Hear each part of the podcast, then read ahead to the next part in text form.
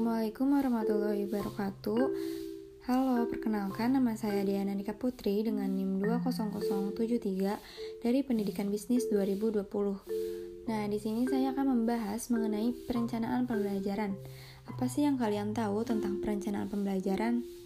Jadi, perencanaan pembelajaran itu e, sebuah proses pengambilan keputusan hasil berpikir secara rasional tentang sasaran dan tujuan pembelajaran tertentu.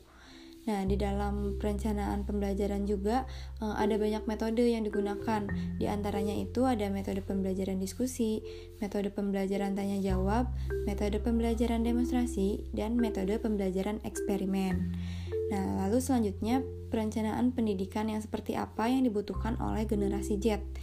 Jadi pada masa pandemi seperti ini tuh uh, pembelajaran dengan metode dalam jaringan atau disebut dengan daring atau online itu. Nah, belajar daring perlu perencanaan. Di antaranya, sekolah perlu mengidentifikasi kemampuan IT guru dan siswa, mendata ketersediaan sarana dan prasarana. Guru juga harus menentukan strategi pembelajaran yang tepat. Guru mesti menyusun bahan ajar yang efektif dan tepat. Lalu, apa sih yang harus dilakukan guru agar pembelajaran berjalan dengan efektif? Nah, yang pertama itu guru harus konsisten dengan waktu pembelajaran.